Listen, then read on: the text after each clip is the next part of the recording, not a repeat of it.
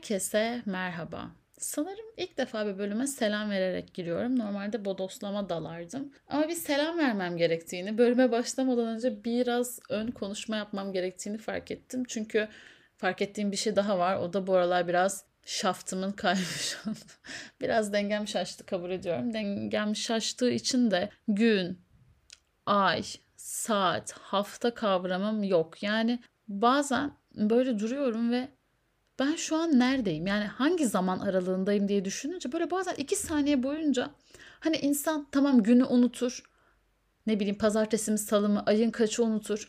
Saati unutur. Hangi zaman aralığı öğlen mi sabah mı unutur da bir an için şeyi unutur mu? Hangi ayda olduğumdan bile emin olamamak. Yani böyle sanki bembeyaz bir kağıdın tam ortasındaymışım gibi hissediyorum. Böyle aa hangi aydaydım ya ben? Mart'ta mıydık, Şubat'ta mıydık, Nisan, Ocak mı, Haziran mı, Temmuz mu falan. Bunu bile unuttuğum bazen anlar oldu. O yüzden de biraz e, dengem şaştı. Dengem şaştığı için de tahmin edersiniz ki bölümlerimde de bazı kaymalar gerçekleşti. Ama bu son kayma. Yani bunu şu an salı günü çekiyorum. Salı gecesi de yayınlayacağım editleyip. Bundan sonraki bölümde pazar günü gelecek. Pazar günü ayın kaçı oluyormuş bakalım. 13'ü. 13'ünde de diğer bölüm gelecek. Aa bugün 8 Mart değil mi? Dünya Emekçi Kadınlar Günü. Herkesin değil tabii ki sadece kadınların. Dünya Emekçi Kadınlar Günü'nü kutlayarak başlayayım o zaman bölümüme. Hiç hesapta yokken böyle bir güne denk geldik. Hiç de böyle özel günlere denk gelip de onları kutlayacak bir insan değilim ama öyle oldu. Neyse. Bugün aslında bir süredir zaten e, herhalde bir iki bölüm önce demiştim. Bu kitabı da bir eleştirelim diye düşündüğüm bir kitap vardı. Edebiyatta Pati İzleri diye. O, o, bu kitabı eleştirmek istiyorum. Biraz okudum. İyi yorumlarım var, kötü yorumlarım var. Tam da okunacak zamanda okudum aslında yani edebiyatta Pati İzleri. E, hayvanlarla ilgili bir şeyler okuyup dinleyecek zamanda değildim belki ama bilmiyorum. Neyse biraz da saçmalıyım. Bu kitap bana hediye geldi öncelikle. O yüzden de e, hediye şeyleri çok seviyorum. Ve bir an önce okumak istememin nedeni de oydu. Tam bir başucu kitabı. Yani bu insan bu, bu kitabı eline aldığında Damla Yazıcı bunu hazırlamış yani editliğin, editlerini vesaire o yapmış. Ama tabii içerisinde birçok yazardan birçok kesit var. Çok güzel bir kitap. Kapağı çok güzel. Böyle kaç sayfaymış bakayım. 110 sayfa. Tam başucu kitabı. Harika bir kitap. İki temel bölümden oluşuyor. Çok tatlı bir ön sözü var. Ben peki bu kitabı nasıl okudum diye sorarsanız. Tek oturuşta. İki buçuk saat hiç ara vermeden başlayıp bitirmek suretiyle kitabı hallettim. Yani böyle okunmaması gerekiyor. Belki de böyle okuduğum için bazı şeyler beni çok boğdu. Ama aslında bu kitabı bir baş ucu, baş ucu kitabı gibi değerlendirip her gece bir hikaye ne bileyim her bu gece işte Buket Uzuner'den bir hikaye okuyayım. İnci Aral neler yaşamış. Bir Doğu Yücel patlatayım falan diyerek öyle okursanız çok daha zevk alırsınız. Benim gibi tek seferde iki buçuk saat okursanız o kadar da zevk almazsınız muhtemelen. Hava bok gibi ya. Bunu da söylemek istiyorum. Çok kötü bir hava var ya. Peki şey e, ay, Perşembe günü için yani 10 Mart için şey demeleri son 30 yılın en büyük karı gelecekmiş İstanbul'a falan. Bu arada bunu sürekli diyorlar zaten de artık hiçbir etkisi kalmıyor. Bir şey bir insana sürekli söylediğinizde bir etkisi kalmıyor ya gerçekten. O yüzden herkese seni seviyorum dememek lazım. Nasıl konudan konuya atlıyorum? Gerçekten mesela son 30 yılın en büyük karı gelecek. Bana bunu herhalde ne bileyim 5 sene önce söyleselerdi o zaman şey olurdu wow kombiyi açayım şöyle yapayım yiyecek stoklayayım falan tabii kıtlık bilinci olduğundan hemen yiyecek stoklamaya gidiyor kafam. Ama şimdi böyle şey 30 yılın kışı e ne yapayım gelirse gelsin. Aman bir de onunla uğraşacağız yani. Kışmış, soğukmuş, kaymış. Ne diyeyim yani? Gelirse mevsimler kaymış. Aman kayarsa kaysın. Bana ne ya? Falan oldum. Bir 30 sene yaşayıp defolup gideceğim. Bana ne? Çocuk falan da yapmaya niyetim yok zaten. O yüzden hiç öyle dertlerim yok yani. Gelecek nesil falan hiç umurumda değil. İnşallah benim esprilerimi ciddiye almıyorsunuzdur. Devam ediyorum. Kitaptan devam edeceğim. Ee, her yazarın hikayesinden bahsetmeyeceğim de özellikle birkaç tanesinden bahsetmek istiyorum. Çünkü 2, 4, 6, 8, 10 tane yazar var. Onun haricinde ikinci bölümde böyle şairlerin hikayeleri var. Nazım Hikmet'in çok güzel bir şiiri var vesaire. Onları okuyacağım. Böyle harika bir program bizi bekliyor. Tam bir yılbaşı programı gibi hazırladım, düşündüm bu bölümü. Bu bölümü uzun yapacağım bir de arkadaşlar. Şimdiden söyleyeyim. Ben 5. dakikadayım ama şimdiden uzun bir bölüm yapacağım. Çok konuşacağım, çok saçmalayacağım. Oradan oraya atlayacağım. Hazırlıklı olun. Kitaptan devam ediyorum. Şimdi kitabın e, bir ön söz kısmı var. Damla Yazıcı'nın kısaca böyle birkaç bir şeyden bahsetmiş. Benim de çok hoşuma gitti. Bir yerde şöyle bir şey diyor yazısında da ön söz kısmında diyor ki yazarların hayatına giren bir kedi, köpek, kuş, at, balık mutlaka bir hayvan vardır diye umduk ve yazarlardan beslendikleri, birlikte yaşadıkları ya da hayatlarına girip çıkmış, onlarda iz bırakmış hayvanlar üzerine bir yazı kalemi almalarını rica ettik. Ya bu çok hoş bir şey e, öncelikle. Ya düşünüyorum ben bir yazar olsaydım bana böyle bir istekte bulunsalardı çok hoşuma giderdi. Yani ve kırmayıp yazmaları, bu kitap için özel olarak bunu yazmaları. Belki eski defterleri, yazarların da eski defterleri unutmaya çalıştıkları şeydir. Yani biraz da acılarını kazıyıp çünkü biliyorsunuz yani bu yazarlar anlattıkları hayvanların birçoğu ölmüş şu an. Geçmiş şeyleri anlatıyorlar. Yani böyle düşünüyorum. Belki bundan ben de bir yazar olsam bundan 20 sene sonra benden böyle bir şey isteseler Fiko için bir şey kaleme almak çok hoşuma giderdi. Bence çok tatlı bir şey olmuş bu. Böyle çok güzel bir kek yemek gibi. Bir de birinin hayatına bir evcil hayvan girmesi diye bir şey var. Gerçekten insanı insana çok şey öğretiyor.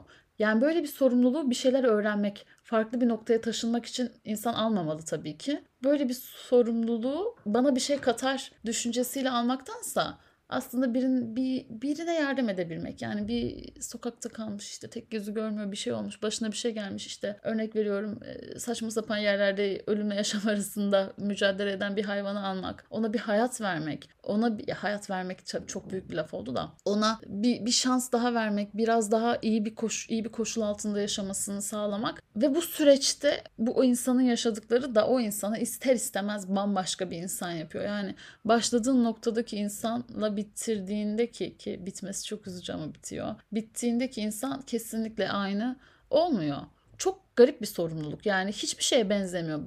Ne çocuk yapmaya benziyor ki hiç çocuk yapmadım.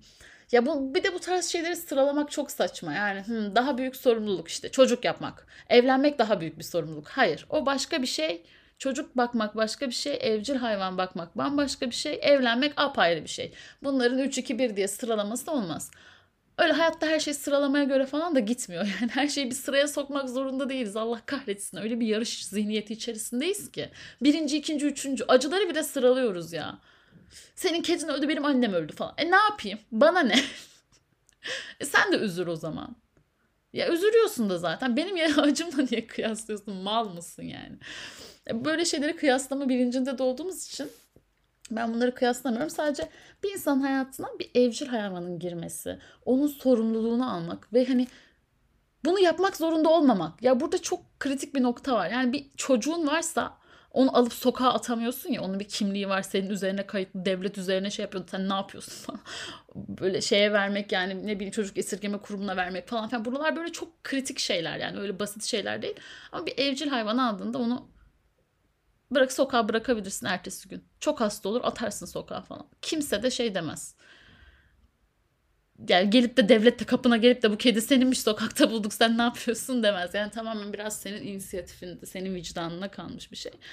Ee, bunu yapamayan insanlar da var tabii ki. Çok fazla işte sahiplenilmiş, sokağa atılmış hayvan yok mu? Var ama e, aslında işte dediğim gibi bu süreç içerisinde kim olduğunu öğreniyorsun. Has, daha da kritiği kim olmadığını öğreniyorsun. E, kim olamayacağını, kim olmanın yanından geçmek dahi istemediğini ve kim olmak istediğini falan öğreniyorsun. Olmak ya da olmamak falan. Shakespeare'in de dediği gibi. Devam edeceğim. İlk hikaye e, Faruk Duman'ın bir hikayesi. Aa karışıkmış ya. Ben de buradaki ne kadar sala. Neyse. Şimdi burada Faruk Duman'ın bir hikayesi var. Çok da hoş bir hikayesi var. Faruk Bey'in bir evcil hayvanı aslında teknik olarak olmamış. Yani kendisi gidip de bir evcil hayvan satın alayım gibi bir hikaye değil de o daha çok bir gün çok hasta bir köpekle karşılaşıyor. İşte bahçesine falan geliyor ve bu köpeğin üzerinde bir deney yapmaya karar veriyor. Deney kısmını okumak istiyorum size. Diyor ki işte köpek ölmek üzere ya. O da bir zehirli bir tarif öğrenmiş. İşte tuzla şekeri aynı anda yersen ölürsün gibi bir tarif öğrenmiş çocuk bilinciyle. Ve köpeğin üzerinde bunu denemeye başlıyor. Şöyle devam ediyor sonra. Günlerce tuzlu ve şekerli ekmeğimle köpeği besledim. Defterime gün gün not alıyordum. Joe koymuştum adını. Joe bugün iyice beter görünüyor. Joe bugün kuyruğunu bacaklarının arasından hiç çıkarmadı. Joe bugün çok fazla uyudu. Öldüğünü ya da bayıldığını zannettim ama ölmemiş. Joe'nun tüyleri bugün diken diken oldu. Joe uzun zamandan sonra ilk kez havladı. Günler geçiyor. Annem tükenen tuzun ve şekerin nereye kaybolduğunu sorup duruyor ama Joe bir türlü zehirlenip de ölmüyordu. Aksine defterdeki notlar değişmeye başlamıştı. Joe artık daha iyi. Joe'nun kamburu gitti. Joe kilo almaya başladı. Joe toparlanmaya başlamıştı. Beni görünce yüzü gülüyor. Ayağa kalkıp kuyruğunu sallıyor. Bacaklarımın arasında dolanıyordu. Ona öyle bağlanmıştım ki deney meney hikaye olmuştu. Ya aslında Joe burada bir sokak hayvanı.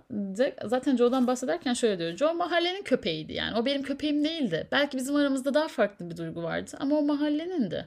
Joe'nun sonunu sonundan bahsetmiyor ki bahsetmemesi de iyi olmuş bir yanda. Artık çünkü diğer türlü bütün e, yazarların hayvanları nasıl kaybettiklerinden oluşan inanılmaz korkunç, hüzünlü bir hikaye okumak zorunda kalırdınız. Güzel bir hikayeydi Joe. Zaten çok kısa hikayeler. Herkesin hikayesi 5-6 sayfa maksimum yani daha fazla geçmiyor. Burada bir çocuk ile bir hayvan arasındaki bağa şahit olmak da bana farklı hissettirdi. Bizim mahallede bir tane çocuk vardı. Kedileri böyle şey yapıyordu. Asıyordu ya. Bildiğin ağaçlara falan asıyordu. Manyağın tekiydi yani. Öyle bir hikaye okumaktansa. Şimdi manyağın tekiydi falan demeyeyim de linç yemeyeyim ama bir belli ki bir sıkıntısı varmış. Ailesinin falan destek olması gereken bir durum vardı. Ama böyle çocuklar da olabiliyor. Yani çocukların hepsi korkunç değil. İyi çocuklar da var. Bunu hissetmek iyi geldi. Yani bütün çocuklar ehlileştirilmemiş birer hayvan olduğundan onların aslında kötülük yapması, büyük insanların kötülük yapmasından daha kabul görülebilir olmalı bir yandan da bakınca. Ama yine de bizim bilincimizden yani bilinçaltımızda çocuklar kötülük yapmamalı gibi düşündüğümüzden burada da bir çelişkiye düşüyoruz kendi içimizde. Sonuç olarak güzel bir çocuk hikayesi okudum. Bir hayvana zarar vermeyen, zarar vermek umuduyla çıksa da zamanla sevgi bayı, bayıyla, zamanla sevgi bağıyla onu unutan yani o kötü yanı ya da meraklı kötü yanı unutup ona bağlanan, onunla yaz geçiren, onu seven e, bir çocuğun hikayesini okumak ilginç geldi. Hep de şunu da düşündüm bir yandan da. Acaba gerçekten de Faruk Duman bu köpekle hiç karşılaşmasaydı onun hikayesi nasıl olurdu? Çünkü bu tarz şeyler çok küçük gibi gözükür ama insanda çok büyük etkiler bırakır. Özellikle çocukluk yaşında yaşadığımız şeylerin birçoğu bizim yetişkinlik zamanında alacağımız kararları da etkilediğinden ben eminim ki Joe'nun Faruk Duman üzerinde çok büyük bir etkisi var. Belki onun bile düşünemediği bir etki olduğunu düşünüyorum ya da bu benim tamamen salaklığımdan kaynaklı. Sonra ikinci hikaye İnce Aral'dı. İnce Aral'ın hikayesini okumayacağım. Sadece burada bir şey dikkatimi çekti. Gerçekten çok sevgi dolu bir anne. Böyle kedisinden bahsederken kullandığı güzel isimlerden birkaçını size okuyacağım. Maya kedisinin adı. Maya, kehribar gözlüm, kadife kulaklım, ipek tüylüm, sarmanım, tilki kuyruklum, kedi bebeğim, bal kızım, karnı beyazım. Çok tatlı ya. inanılmaz tatlı. Ben e, Fikoş'u böyle sevmediğim için çok utandım.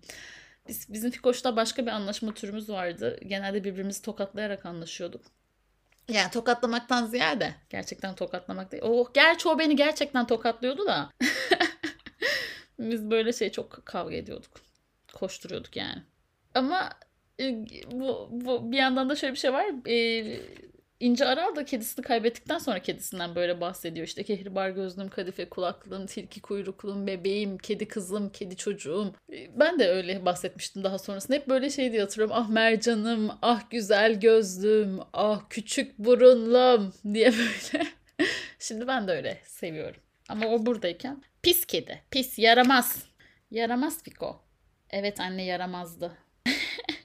öyle seviyordum. Sonra ya Haydar Ergülen'in de çok güzel bir hikayesi var. Mısır ile diye. Kedisinin adını Mısır koymuş. Çok tatlı bir isim. Ama bütün aman tanrım bütün bölümü şöyle çekeceğim. Ay çok tatlı, çok sevimli. Kendinizi hazırlayın. Oy bebiş bebiş bebiş diye böyle çekeceğim. Çok minnoş bir bölüm. Ay fark ettim de deli gibi konuşuyorum ha. Sanki şey böyle kedisini kaybettikten sonra sıyıran kadınlar olur ya. ya da çocuğunu falan. Ben de öyle konuşmaya başlamışım. Kusura bakmayın sağlıklıyım arkadaşlar yanlış düşüncelere mal vermeyelim. Mısır ismi benim çok hoşuma gitti. Ya bence bir kediye verilebilecek en güzel isimlerden bir tanesi. Hatta şöyle oldum. Olan bu benim aklıma nasıl gelmedi ya. Gerçi onun kedisinin Mısır olmasında da Mısır'dan gelmesi bir hikayesi var da. Ben yine de Mısır koyardım. Bu arada Fiko'nun adı da neden Fiko? Ondan bahsedeceğim. Bahsedeceğim lan. Bugün biraz da kendi kedimden bahsedeceğim. Kimse karışmasın. Bir arkadaşım var Orçun. Doğaçlama tiyatro yapıyorum aynı zamanda. O ekipten bir arkadaşımdı. Fiko bizim eve ilk geldiğinde biz Fiko'ya bir isim bulamadık. İkinci gün oldu. Kedinin ismi yok. Kedi diye çağırıyoruz. Yani ne, ne yapsak ne koysak ne desek bilemiyoruz yani. Sonra işte Orçun gelmişti bana. Eve de yeni taşınmıştım o zaman. Ev ziyaretine gelmişti. Kediyi de görmüştü. Dedi ki bu kedinin adı ne? Ben de dedim ki valla Orçun e, hiçbir fikrim yok. O da bana dedi ki olsun o zaman. Ben de anlamadım başta. Sonra şöyle dedi. Hani fikrim yok diyorsun ya olsun o zaman. Bir fikrin olsun. Ben de dedim ki aa kedinin adı Fikri olsun ya. Evet çok güzel. Hani güzel geldi kulağa. Ama sonra Fikoş'a tabii Fikri demek. Yani Fikoş tam bir Fikoş'tu yani. Adını yansıtırdı. Fikoş olmak için doğmuş. Yani o doğmadan önce ismi doğmuş. Sonra o doğmuş ve o ismi almış gibi bir Fikoş'tu. E, fikri çok ağır geldi tabii bizim çocuğa. O yüzden Fikri demedik de Fikoş demeye başladık. Bu da böyle bir hikaye. Sonra ee, Mısır'ın da o yüzden böyle tatlı bir hikayesi olması hoşuma gitti. Sonra devam ediyorum. Bu arada kendisi de işte bir işte bir şiirin yer aldığı bir kitabı var. İşte Üzgün Kediler Gazeli diye bir şiirinin yer aldığı bir kitabı varmış. Oradaki bir şiirinin bir kısmını koymuş buradaki yazıya da ve çok hoşuma gitti. O yüzden şiir okumak istiyorum size de. Çocuk Anadolu'dan böyle güvercin çıkmamıştır daha. Yalnızlığın üstüne böyle şiir kanatlanmamıştır. Böyle göz dökülmemiştir gurbet sürmelisine, böyle yağmurda inmemiştir kimsenin gözlerine. Çok güzel, çok tatlı. Bir şiir. Ya bu arada şiirleri yorumlamıyorum arkadaşlar. Şiir yorumlamak çok zor. Bir de çok gereksiz yani. Şairin ne düşündüğünün ne önemi var bana hissettirdikleri bambaşkayken. Yani evet o da bir şey düşünmüştür. Onu hayatına mutlaka etki etmiştir ama bana ne yani? Anladın mı? Beni ilgilendirmiyor. Bana başka bir etkisi var çünkü. Deyip bütün şairleri de karşıma aldığıma göre devam ediyorum. Sarman Kedi Kız hikayesi var. Bu hikaye hangisiydi? Hikayelerde notlarım var bu arada. Bütün kitabın içinden geçmişim notlarımla. Ha, burada da Ah Bir Kedi Olsam diye bir kitabından bir parça vermiş yazar. Bir kedi sahiplenmeye gidiyor. İşte ve böyle bir sürü kedi var. Onların arasından bazı kedileri almak istiyor ama sonra alamıyor falan falan carçurt. Kedi onu seçiyor gibi bir şey oluyor. Yani çok böyle insan sevmeyen, kimseye pati vermeyen bir kedi birdenbire e, çocuğun başına gidip beni al, beni al dercesine onun elini yalamaya başlıyor ve alıyorlar. Sonra da apartmanın kapısından girerken anneannesi kıza diyor ki biz bir kedi sahiplenmek için kedi almaya gittik ama kedi bizi seçti, biz onu değil. Böyle başka hikayeler de duydum ya. Gerçekten de bir hayvan sahipleneceğiniz zaman sanki çocuk doğurmak gibi. O size geliyor. Yani böyle oluyor. Siz gidip de bir yerden satın alanları falan demiyorum tabii ki de de. O size sizi buluyor. Mesela Fiko bizi ta Ali Bey köyden bulmuştu. Sen Ali Bey köyden Kadıköy'e nasıl geldin ya? Kendi imkanlarına gelemezsin. Metrobüs de gelmişti yani. İşte annesi annesinin olduğu bahçede yeni doğurduktan sonra bir kadın geliyor bunları bahçeden atıyor. Bir arkadaşım var iki tane kedi alıyor. Sonra arkadaşım diyor ki bak sen yeni eve çıktın. Bakabilirsin böyle bir kedi var al bunu bak diyor. Ben de diyorum ki ev olur neden olmasın falan. O sonra Ali Beyköy'den geliyor. Yani ta oradan beni görmeden beni seçiyor aslında gibi bir hikaye vardı. Gerçekten de bir kedi seçmek istediğinizde aslında kedi sizi seçiyor. Çocuk doğurmakta da bu sırada çocuklar annelerini babalarını seçmiyor gerçi. Gerçi hiç benzemiyormuş ama şimdi düşününce. Doğu Yücel'in hikayesinde de limon ile roman yazma mesaisi. Ee, Doğu Yücel bir roman yazarken ne kadar zorlandığından bahsediyor hikayede. O sırada da Limon diye bir kuş onun evinde kısa süreliğine konaklıyor. Bu da sanki şey Airbnb ile gelmiş gibi anlattım da sevgilisinin kedisiymiş de onda kalıyormuş gibi bir hikayesi var. Ve böyle yazarken çok sıkılıyor yazar. Yani sıkılıyor dediğim böyle yazmaya başladığınız zaman e, ufak tefek bir şeyler yazmışlığınız varsa daha önce ufak tefek de değil de özellikle uzun metraj bir şey yazmaya çalıştığınızda bazen yazmak çok zor olabiliyor. Yani kafandaki her şey varsa bile bazen yazarken sıkılıyorsun, bunalıyorsun. Kendi yazdığın ya, ya okumak daha kolay. Yazmak tabii ki daha zor. Başka bir şey anında dalıyorsun. Odan kayabiliyor özellikle en başlarda. Doğu Yücel de başlarda böyle sıkıntı yaşadığı bir roman sırasında Limon onun evine konaklamaya geliyor ve böyle onun tam ensesine pardon sağ omzuna ya da sol omzuna konup onu izliyormuş yazsın diye. Doğu Yücel de hiç kaçamıyormuş. O yüzden de yazmak zorunda kalıyormuş hikayeyi. Onun hikayesinde de böyle bir etkisi varmış Limon Kuş'un. Bundan bahsediyor. Bu da tatlı bir hikaye. Bütün hikayelerden böyle spoilerlı spoilerlı bahsedeceğim. Ee, Sevin Okyay'ın hikayesi de çok tatlı bir hikaye. Birkaç tane kedi macerası var. İşte dumanmış, işte başka bir hayvanı varmış falan. Onlardan bahsediyor ama beni en çok etkileyen hikayeden aslında bir an önce bahsetmek istiyorum. Çok sevdiğim bir hikaye vardı. Hangisi? Aa, evet iki tane. Benim aslında bu kitapta sevdiğim, en çok sevdiğim iki tane hikaye var. 10 tane hikaye var demiştim ya kitabın içerisinde. En çok sevdiğim iki tanesinden bahsetmek istiyorum. Bir tanesi Altay Öktem'in hikayesi. Hayvan değil arkadaş diye bir hikayesi var. Ve hikaye şöyle başlıyor. Sadece hayvanlarla ilgili değil de şu kısmı beni çok etkiledi. Benim hiç köyüm olmadı. İstanbul'un orta yerinde doğdum.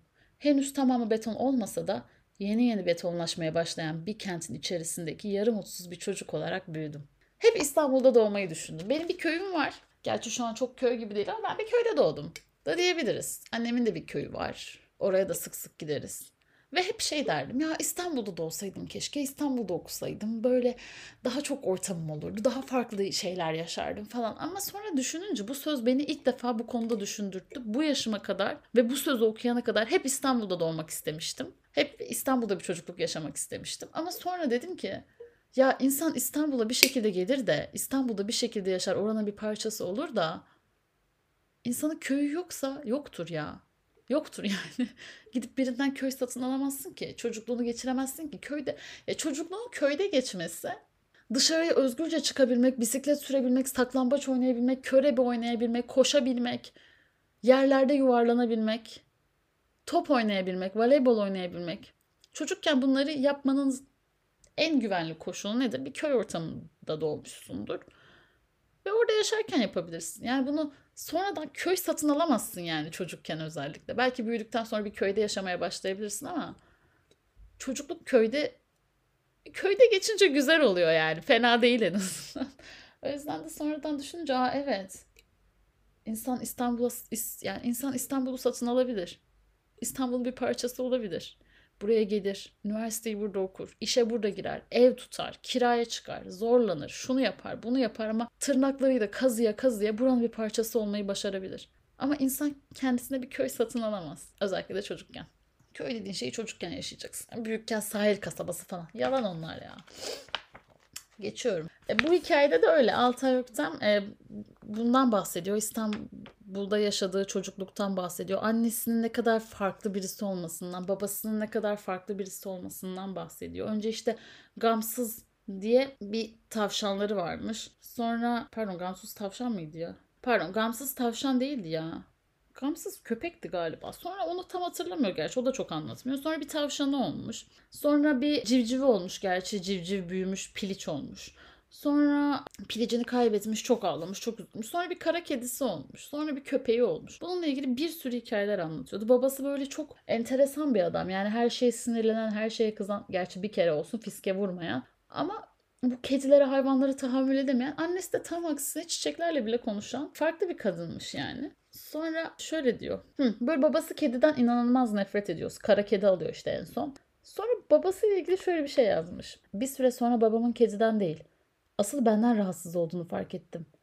Annem babam öfkelendiğinde her zamanki gibi beni korurdu. Küçücük çocuk o. Neden başımıza bela olsun? İnsan evladı hakkında böyle konuşur mu? Diyerek babamın salvolarını kendi anaç diliyle savurmaya çalışıyordu. Bense cümle içinde geçen bela sözcüğünü anlayamamıştım. Hayır.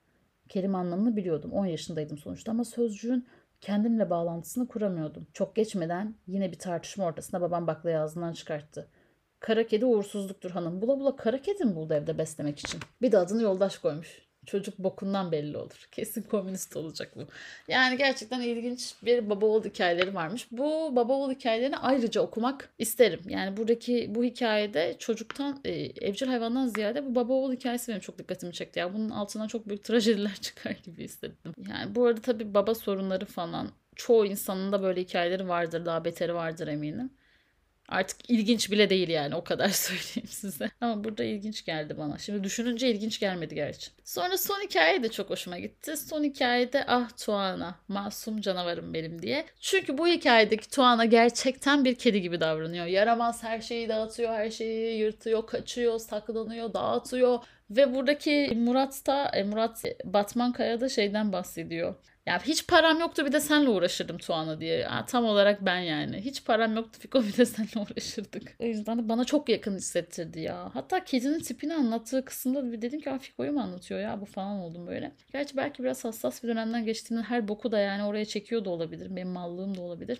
E, bu hikaye, bu da en çok sevdiğim ikinci hikayeydi Murat Batman Kaya'nın. Ya şu adamın adını okurken sürekli şöyle diyesim geliyor. Murat Batman Kaya. Batman vizyona girdi ya daha gidemedim gerçi de. Gideceğim bu hafta sonu. Sakın spoiler vermeyin gebertirim sizi. Şaka yapıyorum ya verin ne olacak. Ben, ben bana böyle şeyler koymuyor arkadaşlar. Koyacak olsa yani 35 dakikadır size spoilerlı, spoilerlı kitap anlatıyor olmazdım. Sonra kitabın ikinci bölümü benim en sevdiğim kısımlardan. Yani şöyle sayalım. Kitabın en sevdiğim kısmı bölüm 2 idi. Bölüm 1'de en sevdiğim kısımlarda neydi? Murat Batmankaya ile Altay Öktem'in hikayeleriydi. Yani şu an en en en sevdiğim kısmı tabii ki sona bıraktım. Kedi Nazım ve Nazım'ın Şeytanı diye bir Nazım'ın hikayesi var. O çok hoşuma gitti. Orada şeytan diye bir köpeği varmış Nazım'ın. Ve ona da bir şiir yazmış kaybettikten sonra şeytanı. O şiiri okumak istiyorum size. Yorum yapmayacağım çünkü şiirler hakkında yorum yapabilecek yetiye sahip olduğumu düşünmüyorum. Ya yaparım da tatsızlık çıkar şimdi bambaşka anlamışımdır olayı. Köpeğimin adı şeytandı. Dağılık adıyla ilgili değil. Adına bir şey olmadı. Adına benzemezdi de. Şeytanlar zalim olur. Zalimler yalancı ve kurnaz ama zalimler akıllı olamaz. Köpeğim akıllıydı. Biraz da ben öldürdüm köpeğimi. Bakmasını bilemezdim. Bakmasını bilemezsen ağaç bile dikme. Elinde kuruyan ağaç dert olur insana. Yüzmek suda öğrenilir diyeceksin. Doğru. Boğulursan bir sen boğulursun ama. Kaç sabahtır uyanıyorum. Dinliyorum ortalığı. Kapımı tırmalayan yok. Ağlamak geliyor içimden. Ağlayamadığım için utanıyorum. İnsan gibiydi. Hayvanların çoğu insan gibidir. Hem de iyi insan gibi. Kalın boynu kıldan inceydi dostluğun buyruğunda. Hürriyeti dişleriyle bacaklarındaydı. Nezaketi tüylü uzun kuyruğunda. Göresim gelirdi birbirimizi. En büyük işlerden konuşulurdu. Açlıktan, tokluktan, sevdalardan. Ama bilmedi sıla hasretini. Benim başımda o iş. Şairi cennete koymuşlar. Ah memleketim demiş. Öldü. Bu dünyada nasıl örünürse insan olsun, hayvan olsun, bitki olsun, döşekte, toprakta, havada, suda, ansızın bekleyerek uykuda. Bu dünyada nasıl örünürse, nasıl öreceksem, nasıl öreceksek. Bugün gölgede 38, ormana bakıyorum balkondan. Çamlar ince uzun yükseliyor kıpkırmızı. Gökyüzü çelik mavisi, köpeklerin dili bir karış. Göle gidiyorlar yıkanmaya. Kıyıda bırakacaklar vücutlarının ağırlığını. Balıkların bahtiyarlığını paylaşacaklar. Çok güzel. Şöyle de bir yazısı var. Şeytanın ölümüne aşırı derecede üzülüyordum. Arkadaşlarımdan biri beni ayıplamaya başladı. Hayatın tadını çıkarmadan insanlar ölüp gidiyor diyordu. Doya doya ekmek yiyemeden, kana kana su içmeden milyonlarca insan ölüyor. Sen tutmuş bir köpek için kahroluyorsun. Onun bu sözüne karşılık köpeğin üzüntüsünün insanların ölümüne üzülmeme engel olmadığını söylemiştim.